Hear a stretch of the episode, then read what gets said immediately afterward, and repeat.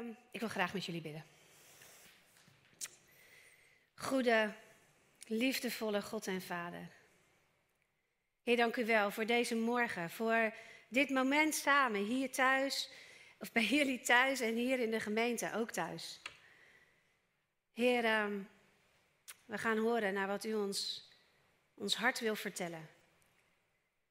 Heer, open zo onze oren, zodat we u kunnen verstaan. Open onze ogen, zodat we iets van u zien deze ochtend. En, en open ons hart, zodat u het kunt raken met uw liefde. Heer, dat is ons gebed voor onszelf hier, voor de mensen thuis en voor alle andere plekken waar deze ochtend mensen in uw naam bijeenkomen. Door uw geest met elkaar verbonden. Amen. Iets minder dan een jaar geleden verscheen de vacature voor de functie die ik nu hier mag vervullen in updates. En um, ik reageerde heel snel. Ik ben gelijk uh, Dennis gaan bellen en, en, en Harry de Bruin van de bestuursraad, want ik was meteen zo enthousiast. En toen kwam er een lange tijd van wachten, waarin er natuurlijk ook andere mensen nog konden reageren. Ik was niet de enige. En dat was een spannende tijd, maar ook een tijd van worsteling. Een worsteling omdat ik wel wist dat ik heel graag terug wilde keren naar mijn gemeente hier. Maar ik wist ook zeker dat als dat zou gebeuren, dat het echt pijn zou doen bij de gemeente in Venendaal, die ik nog maar zo kort diende. En ik had het daar wel moeilijk mee. En in die tijd, zo ergens rond eind mei, was ik een keer hier in het gebouw. Ik had een, uh, een cursus, een workshop gegeven die niet met kerk zelf te maken had. En uh, de mensen waren inmiddels naar huis en ik was nog even helemaal alleen in dit gebouw. En ik kwam er, net als jullie in die tijd, eigenlijk nooit, want de kerk was nog dicht. En uh, ik ben even hier zo in die zaal gaan zitten, daar op dat plekje waar ik eigenlijk zo vaak zit dat ik het liefst mijn naam erop zou zetten. Herkenbaar, ja precies. En uh, ik snoof zo de geur van de kerk op. Moet je dat eens doen? Je beseft helemaal niet meer dat die kerk een geur heeft als je hier wat vaker komt. Maar het ruikt hier gewoon naar kerk of zo. Of in ieder geval naar jouw kerk. Naar jouw kerk ruikt het. En, en als je thuis bent en je bent hier nog niet geweest en het kan weer, kom. Want je bent het vergeten. En, en die geur doet iets met je. Maar ook die omgeving. Het is echt anders als thuis voor de camera zitten. En, en ik werd zo geraakt door, door hoe ik de gemeente mis en, en ook dit gebouw toch mis. Want het is nou toch een gebouw en toch miste ik het blijkbaar. En toen kwam die worsteling zo wat bij me naar boven en, en ik ben gaan bidden. Gaan bidden voor wat ik nou moest doen en, en terwijl ik dat eigenlijk wel wist. En, en, maar hoe dan? En, en hoe ga je dan met dat schuldgevoel op, om wat het toch opriep? En we zeggen het wel eens bij het open altaar, soms heeft je lijf een beweging nodig die God niet nodig heeft. Maar ik had hem nodig, dus ik ben vandaar hier op het podium gaan zitten, bij het kruis. En, en me buigend voor en opkijkend naar het kruis heb ik, ik denk wel een half uur gehuild. Gehuild om vrede te krijgen met die worsteling. En na zo'n tijd vol tranen stond ik uiteindelijk op in de echte zekerheid dat het goed was. Ondanks de pijn. En ik mocht mijn schuldgevoel, mijn schuld hier bij het kruis laten. En ik vertel jullie dat niet om een inkijkje in mijn uh, struggles te geven. Zijn, jullie hebben allemaal je struggles. En dat is waarom ik het vertel. Omdat ik denk dat je, als je zo terugkijkt op je leven, misschien zelfs recent of wat langer geleden, dat je zoiets wel herkent. Dat je een keuze moest maken waarvan je wist dat het goed was en die aan de andere kant toch pijn deed. Misschien was het voor jou een, een, een, het beëindigen van een relatie. Je wist dat je moest gaan, maar je deed je partner of misschien zelfs wel je kinderen er wel pijn mee. Of misschien was het een verhuizing die goed was of, of zelfs echt nodig, waarbij het afscheid anderen wel echt raakte. Een keuze die je maakte die tegen verwachtingen van andere mensen inging en waar die anderen teleurgesteld van waren. Het vertrek uit een andere kerk misschien wel. Of misschien moest je je vader of moeder naar een verpleegtehuis brengen. En wilde hij of zij eigenlijk helemaal niet. Maar jij wist dat het goed was. Of misschien was je je niet eens bewust van pijn die je bij iemand anders veroorzaakte. Kwam je daar pas later achter. Allemaal situaties waarin jij schuld hebt aan de pijn van een ander. Herken je dat? Maar hoe ga je daar dan mee om? En, en, sinds ik zo begonnen ben met het pastoraat hier in de gemeente, ik doe natuurlijk al jaren van alles met pastoraat, maar nog nooit hoorde ik in één week tijd zoveel verschillende verhalen, omdat dit is gewoon alles wat ik doe. Ik, ik doe pastoraat. Dus zeven, acht levensverhalen in een week zijn geen uitzondering. En als ik dan jullie verhalen zo hoor en ik zo het vertrouwen mag ontvangen dat jullie je levensverhaal met mij delen, met alles wat, wat mooi en lelijk was dan komt dit ook zo naar voren. Dit soort situaties van keuzes die goed waren, maar die anderen pijn deden. En waar nog steeds schuldgevoel over bestaat. Of, en dat gebeurt natuurlijk net zo goed, verhalen over wat je ooit echt verkeerd hebt gedaan. Omdat we niet beter wisten, of omdat je wel beter wist, maar niet anders kon. En misschien zijn er zelfs wel dingen in je leven gebeurd waarin je wel beter wist en het ook had gekund, maar het niet deed. Situaties waar je echt schuld had en je nog steeds schuldig over voelt. En daar wil ik het met jullie vandaag over hebben. Een luchtig thema voor de zondagochtend. Schuld, schuldgevoel en schaamte. Omdat dat thema's zijn die zo vaak terugkomen als mensen echt terugkijken op hun leven. Als hele levensverhalen voorbij komen, komen dit soort punten altijd voorbij. En het is natuurlijk ook normaal hè, om als je terugkijkt op je leven ook te beschouwen wat je niet goed hebt gedaan. Of waar het mis is gegaan, ook al was het onbedoeld. Dat is op zich nou, nogal normaal. Je bent mens, dus er gaat van alles mis in de loop van je leven. Het is onmogelijk om mens te zijn en nooit iemand te kwetsen. Al doe je nog zo je best. Het is onmogelijk. Maar het is wel mogelijk, noodzakelijk zelfs, om daar niet oneindig lang over met een schuldgevoel te blijven lopen. Of er schaamte over te voelen. Omdat schuldgevoelens en schaamte aan je knagen. En, en dat ook blijven doen, omdat het relaties verstoort, omdat het muren opwerpt tussen jou en de ander, of zelfs tussen jou en God. En in het zien van die muren, in, in jullie verhalen daarover horen, ben ik steeds meer gaan begrijpen dat schuld en schaamte twee favoriete wapens van het duister zijn. Van de duivel, zo je wilt. Want de duivel, als je het kwaad een, soort persoonlijkheid toe wil dichten, dan zou dat niets liever willen dan jou isoleren. Je uit verbinding houden, weg uit het licht. Weg uit de liefde, weg van God. En als dat ergens mee lukt, dan is het met schaamte en schuldgevoel. Licht en duister zijn belangrijke thema's in de Bijbel. En zo wat bladerend over wat de Bijbel hierover zegt, kwam ik bij de eerste brief van Johannes en daar wil ik met jullie uit lezen. Nee, daar gaat de andere kant op. Daar moet hij zijn. Dit is wat wij hem hebben horen verkondigen en wat we u verkondigen. God is licht. Er is in hem geen spoor van duisternis. Als we zeggen dat we met Hem verbonden zijn terwijl we onze weg in het duister gaan, liegen we en leven we niet volgens de waarheid. Johannes bedoelt dat, ja, misschien is het je wel duidelijk, maar dat als je met God verbonden bent, Gods licht, alles wat in het duister is, onmiddellijk in het licht zou brengen. Dat zou erop schijnen. Je zou het niet verborgen kunnen houden. Verbonden zijn met God en leven in het duister gaat eenvoudigweg niet samen. En misschien een leuk weetje, het woord waarheid betekent in het Grieks letterlijk het onverborgene.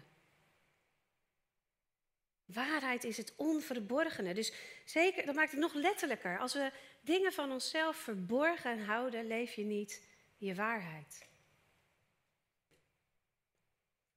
Maar, zegt Johannes dan, gaan we onze weg in het licht, zoals Hij zelf in het licht is, dan zijn we met elkaar verbonden en reinigt het bloed van Jezus, zijn zoon, ons van alle zonde. Van alle zonde, dat is nogal wat. Dus hij zegt eigenlijk, kom uit dat duister. Uit het verborgene. Breng alles in het licht. Dan zijn we verbonden en gereinigd. En dan herhaalt hij nogmaals. Nee, herhaalt hij het niet? Ja, hij herhaalt het wel. Als we zeggen dat we de zonde niet kennen, misleiden we onszelf en is de waarheid niet in ons. En dat woord zonde, toen ik hier ooit twintig jaar geleden binnenkwam, was dat voor mij nog een behoorlijk gevoelig woordje. Misschien is dat voor jou ook nog steeds eigenlijk wel zo. Maar in, in deze context zie ik het ook gewoon maar zo. Zonde zijn de dingen die we niet doen, niet zouden doen en zeker niet zouden willen doen als God naast ons stond. Als je dat je bewust was. Als je in dat moment wist dat Hij er stond, dan zou je het niet doen. Want je weet dat God daar niet met goedkeuren op zou kijken. Dat is wat, wat zonde is. Dus het gaat niet over de dingen waar ik over begon vandaag. Voor de duidelijkheid. Die situaties waarin je wist dat de keuze echt goed was en dat ook echt zo was, maar de ander pijn had. Dat is niet wat zonde is. Zonde gaat over de keuzes die we maken als we God vergeten. Als we het allemaal alleen aan het doen zijn. Als we keuzes tegen de liefde maken. Als we denken dat het allemaal van ons afhangt. Als we het verkeerde doen terwijl we beter weten. En Johannes gaat dan verder.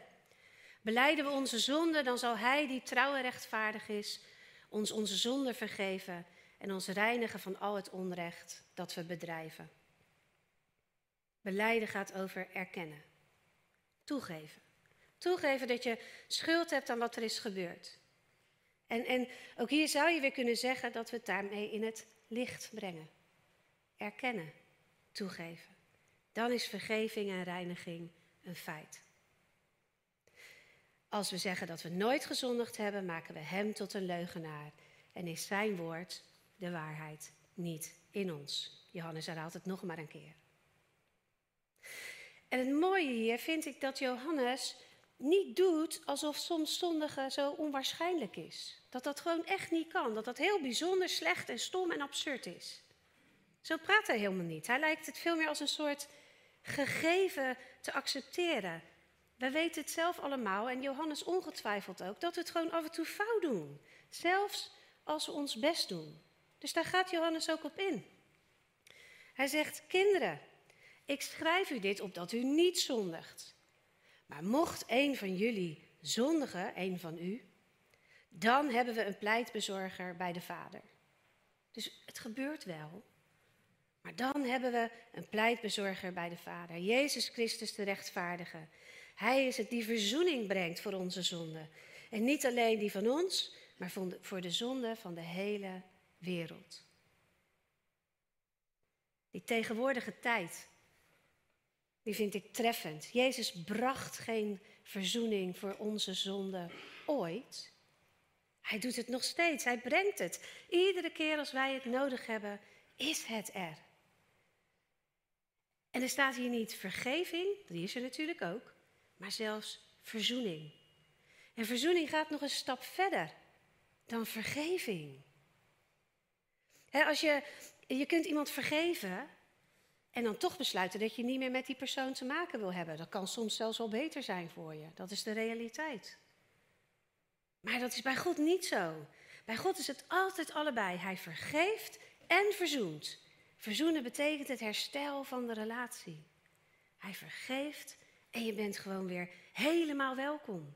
En niets wat jij kunt doen zou maken dat dat niet zo was. En dat noemen we genade. Dat kan alleen God. Bij ons lukt dat soms niet. En zo met deze tekst, en zo zijn er velen, die mogen jou het vertrouwen geven dat als je dat wat je verkeerd hebt gedaan, beleidt, dus bij God brengt, er tussen jou en God vergeving en verzoening is. Het is af. Het is er al. Het, het hoeft niet meer te gebeuren. Er hoeft niets meer te gebeuren. Behalve jouw stap naar Hem. Want als je het niet toegeeft, kan je het ook niet aannemen. Als je niet bekent dat je iets verkeerd gedaan hebt, kun je de vergeving die er wel al is, niet aanpakken. Dat gaat niet. Dus, dus dat is het enige wat echt nodig is. En dat is ook waar schuldbewustzijn voor bedoeld is. Beseffen dat je iemand pijn hebt gedaan, bedoeld of onbedoeld, maar wel, je hebt het wel gedaan. Noem je schuldbewustzijn. We doen soms iets verkeerd. En dat ben je of word je je bewust. Dan voel je je schuldig. Je beleidt het bij God en zo mogelijk bij die ander. Je ontvangt vergeving die Jezus voor ons bewerkt heeft. En zo simpel zou het moeten zijn. Dan zou je het los moeten kunnen laten. Verzoenen als het mogelijk is, een andere richting kiezen als het nodig is. Maar het zou achter je moeten liggen. Maar in jullie verhalen en ook in mijn leven weet ik dat het vaak niet zo gaat. Want schuldbewustzijn is niet hetzelfde als rond blijven lopen met langdurig schuldgevoel. Chronisch heb ik het maar genoemd. Altijd maar schuldig blijven voelen. Schuldgevoel is veel ingewikkelder en duister. Dat schuldbewustzijn is gewoon je geweten. Dat kan de Heilige Geest zijn die je op je schouder tikt en zegt: Hé, hey, let eens op, hier moet je even wat gaan doen. Beleiden en herstellen. Dat is goed, dat heeft een functie. Maar schuldgevoel is een wapen van het duister. Je kunt je namelijk zelfs schuldig voelen over dingen waar je helemaal niks aan kon doen. En dat ook nog blijvend houden. Ik hoef maar te denken aan de slachtoffers van het grensoverschrijdend gedrag en misbruik, waar het de laatste weken zo in de media over gaat, of waar je misschien ook zelf wel ervaring mee hebt. Die, die, die vrouwen die, die zo lang niks durfden zeggen, omdat ze zich schuldig voelden. Alsof zij schuld hadden. Dat ze zich misschien wel te losbandig gedragen hadden. Of, of nee hadden moeten zeggen, maar het niet hadden gedaan. En daarmee werd het hun schuld.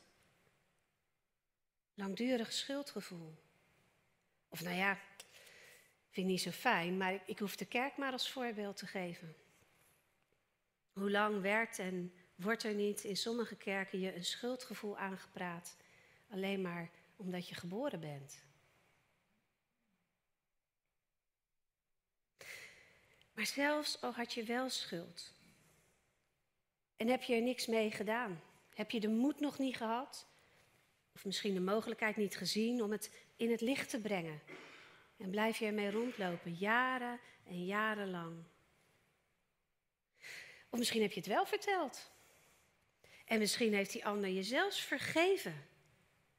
Gezegd, het is, het is oké, het, het, het is gebeurd, ik vergeef je en ik laat het achter me. Maar kun je jezelf maar niet vergeven?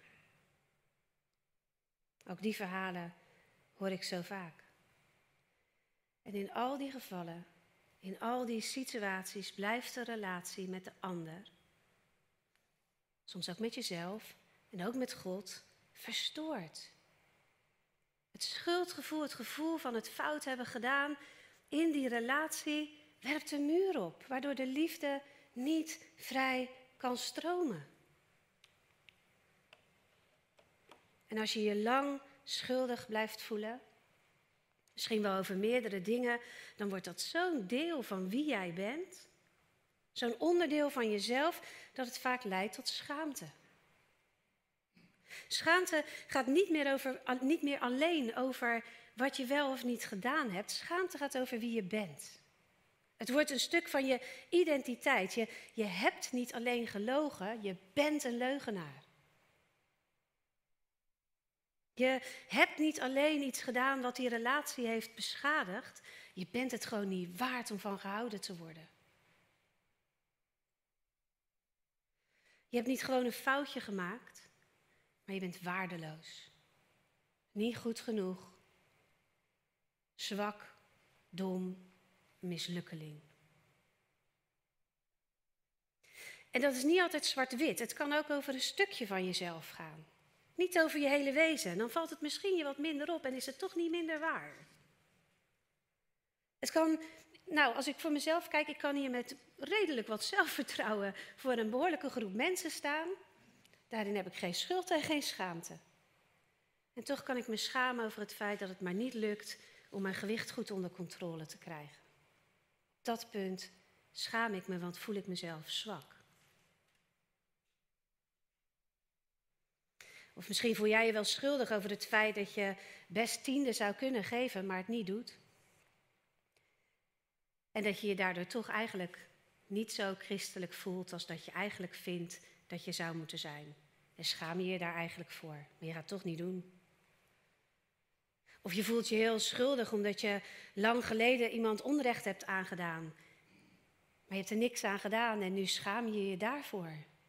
Dat je nog nooit iets gedaan hebt. Dat je jezelf zo zwak of laf bent gaan vinden omdat je het herstel niet gezocht hebt. Begrijp je het verschil? Je kunt jezelf een, een geliefd kind van God voelen. I am a child of God. I am not forsaken. I am chosen. En toch kun je jezelf een slecht christen voelen, omdat het je met Christus toch eigenlijk zou moeten lukken om bepaalde gewoontes op te geven of gedrag te vertonen of keuzes te maken die je maar niet lukken.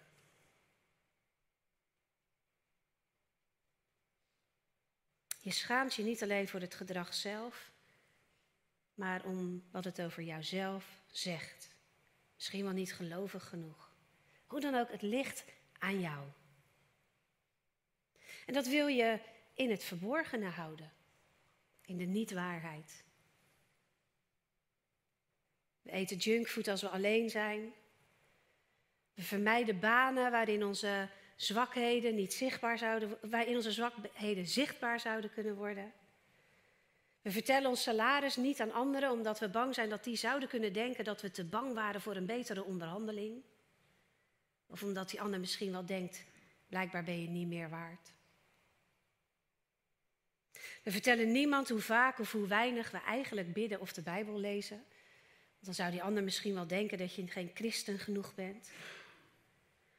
Je vertelt niet dat een man zomaar aan je billen heeft gezeten, omdat iemand anders dan denkt dat jij te losbandig was of al aanleiding hebt gegeven. We vermijden gespreksonderwerpen omdat we dan niet hoeven toegeven wat we wel of niet gedaan hebben. We zetten een blij gezicht op, een masker, zodat niemand ziet wie we werkelijk zijn. Ik ken mijn eigen verhalen en, en hoor zo regelmatig die van jullie aan. Schuldgevoel over een lang niet uitgesproken leugen. Schaamte over een verkeerde keuze, misschien een egoïstische keuze die je ooit maakte.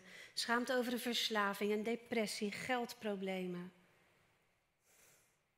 En wat me steeds duidelijker wordt, is dat de baas van het duister, waar Johannes het zo over heeft, ons precies heeft waar hij ons hebben wil. En alles zal doen om dat alleen maar verder te laten groeien. En los van of je nu wel of niet in een duivel als een soort persoon gelooft, denk ik dat je het met me eens bent dat er krachten in de wereld zijn die ons proberen uit verbinding te houden. Weg uit het licht, weg bij God, weg bij de aandacht voor de liefde. En met schuld en schaamte lukt dat. Want hoe moet de liefde vrij stromen als je je steeds rot voelt over wat er gebeurd is? Misschien heb je zo een relatie in je hoofd waar je aan denkt van ja, daar heeft het ook werkelijk voor verwijdering gezorgd. Ik ging er niet zo vaak meer naartoe, steeds een beetje bang dat het erover zou gaan. Misschien heeft het relaties wel beëindigd. En als het is gebleven, dan is er toch altijd dat ene, en misschien weet die ander het niet eens, wat tussen jullie in staat. En jij weet het wel. En als je je schaamt en je daarmee stukjes van jezelf in het verborgene houdt, dan is dat nog meer zo dan alleen met schuldgevoel. Dan kan die ander dus ook nooit helemaal van jou houden. Met alles wat er is. En jij ook niet van jezelf. En we verlangen allemaal zo naar onvoorwaardelijke liefde. Maar we laten niet voldoende van onszelf zien om die werkelijk te ontvangen, omdat we niet meer geloven dat het er echt voor ons is. Maar ja, hoe wapenen wij ons daar dan tegen? Tegen die wapens van de duivel. Hoe dealen we met, met chronisch schuldgevoel of met schaamte? Hoe geven we het op? En het antwoord begint in ieder geval met het vertrouwen, het echt vertrouwen, dat het waar is, die belofte van God. Het werk van Jezus. Johannes schrijft het in het volgende hoofdstuk met een soort lied of gedicht, Bijbels pro, uh, Bijbelse poëzie. Kinderen, ik schrijf u dat uw zonden u vergeven zijn omwille van zijn naam. Vergeven zijn. Ik schrijf u ouderen, u kent hem die er is vanaf het begin. U weet dat hij liefde is. Ik schrijf u jongeren, u hebt hem die het kwaad zelf is overwonnen. Het is er al. Kinderen, ik schrijf u dus dat u de Vader kent. Ouderen schrijf ik, u kent hem die er is vanaf het begin. Jongeren, u schrijf ik, u bent sterk. Het woord van God blijft in u en u hebt hem die het kwaad zelf is overwonnen. Het is een, een bemoediging, een en al bemoediging. Je zonden zijn vergeven. U kent hem, de Vader. Hij die het kwaad is, is al overwonnen. Heb je al gedaan. Ik kan hier natuurlijk nog veel meer over zeggen, maar in relatie tot schuld en schaamtegevoelens valt het meest op die tegenwoordige tijd. Je zonden worden niet vergeven, ze zijn vergeven. Oh, pak het alsjeblieft. Het is al gebeurd. Je zult de Vader niet kennen, je kent hem al. Het is er al voor jou en je zult het kwaad niet overwinnen. De overwinning is al behaald. In jou door hem. De schuld hebben, het bewustzijn van schuld om iets wat je gedaan hebt, moet leiden tot actie. Helder. Berouw en waar mogelijk verzoening. Maar je bent al vergeven. Dan moet je dan alleen nog geloven, het aannemen en erop vertrouwen. Vergeven zijn is geen proces, het is een status. Je bent het. En we begaan nog wel eens een zonde. Zelfs Johannes calculeert dat gewoon in. En we zullen echt nog wel eens iemand anders pijn doen. Als je eh, ooit lid werd, eh, toen Ed Meendrink hier stond, dan heeft hij het waarschijnlijk tegen je gezegd. Ook de kerk gaat je wel eens teleurstellen. Omdat de kerk mens, uit mensen bestaat. En mensen stellen andere mensen soms teleur. En dat kwetst en dat doet pijn. Maar het blijft niet meer aan je plakken, zou je kunnen zeggen. Het, het blijft niet bij jou, want Jezus heeft zijn leven ervoor gegeven zodat jij vergeven bent. Bent. Maar misschien denk je dan, ja, dat geloof ik wel. Geloof het echt. Geloof het echt. Jezus aangenomen als mijn redder. Ik weet dat mijn zonden vergeven zijn. Dat het tussen mij en God echt oké is. En daar ben ik dankbaar voor. Maar ik kan het mezelf niet vergeven. Ik blijf zo in strijd met mezelf. En ik vind het heel naar om tegen je moeten zeggen, maar dan heb je het evangelie echt nog niet begrepen. Niet alleen omdat je het bent, maar omdat je dit niet beseft. Je zegt dan, Heer Jezus, ik weet dat u geleden heeft, maar het is niet genoeg. Ik moet ook nog lijden. Je zegt dan, ik weet, Jezus, dat u beschaamd werd, maar ook ik moet de schaamte nog dragen. Je zegt, Heer Jezus, ik weet dat u verworpen en afgewezen werd, maar het is niet genoeg. Ik moet ook verworpen worden en die afwijzing dragen. Dus eigenlijk zeg je, Jezus, ik waardeer wat u heeft gedaan, maar het was niet genoeg. Ik weet dat u mij vergeeft, maar boven u is er een hogere macht. Ik.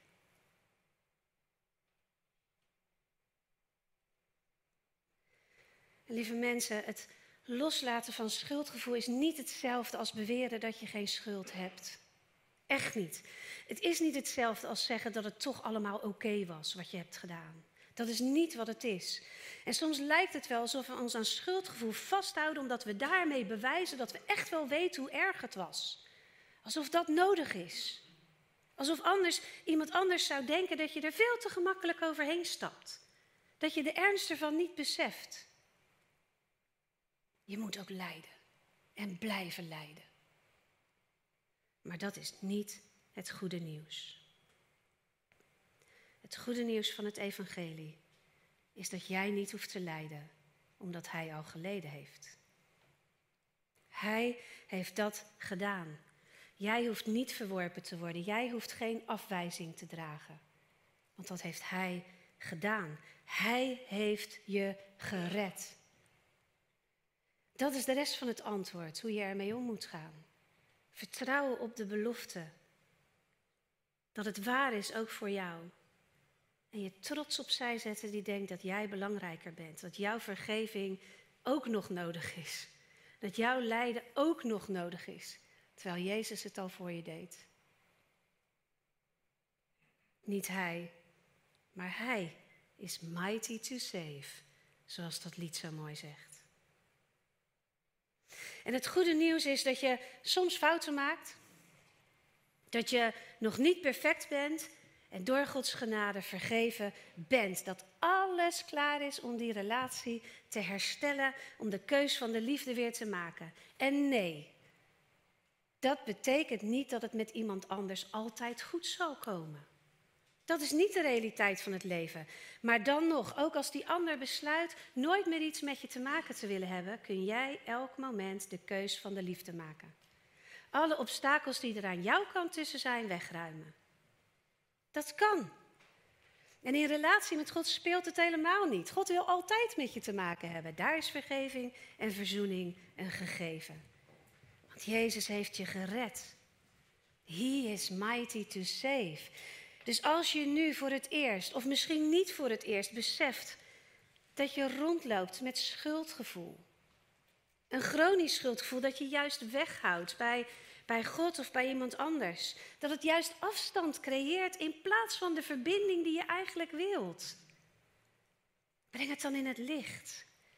Als je beseft dat het het wapen van het duister is, breng het in het licht, want het licht, het duister verdraagt het licht niet. Als je schuld hebt en je hebt er nog niks mee gedaan, beleid het vandaag. En laat daarmee de schuld en de schaamte los. Breng het bij Hem in het licht. Bid erover straks als we samen bidden. Praat erover. Het duister verdraagt het licht niet. Dan zal het gaan verdwijnen. En je zegt niet dat het oké is, maar wel dat je stopt met lijden onder het schuldgevoel en kiest voor het leven van liefde waar je voor bedoeld bent. Geef een nieuwe betekenis aan Jezus als je redder. Dat gaat niet alleen over het leven, het eeuwig leven hierna. Het gaat over jouw leven vandaag. Dat de Allerhoogste deed wat hij deed om jou te redden van je eigen schuldgevoel, zodat je je leven van liefde kunt leiden. Niet, no shame on you.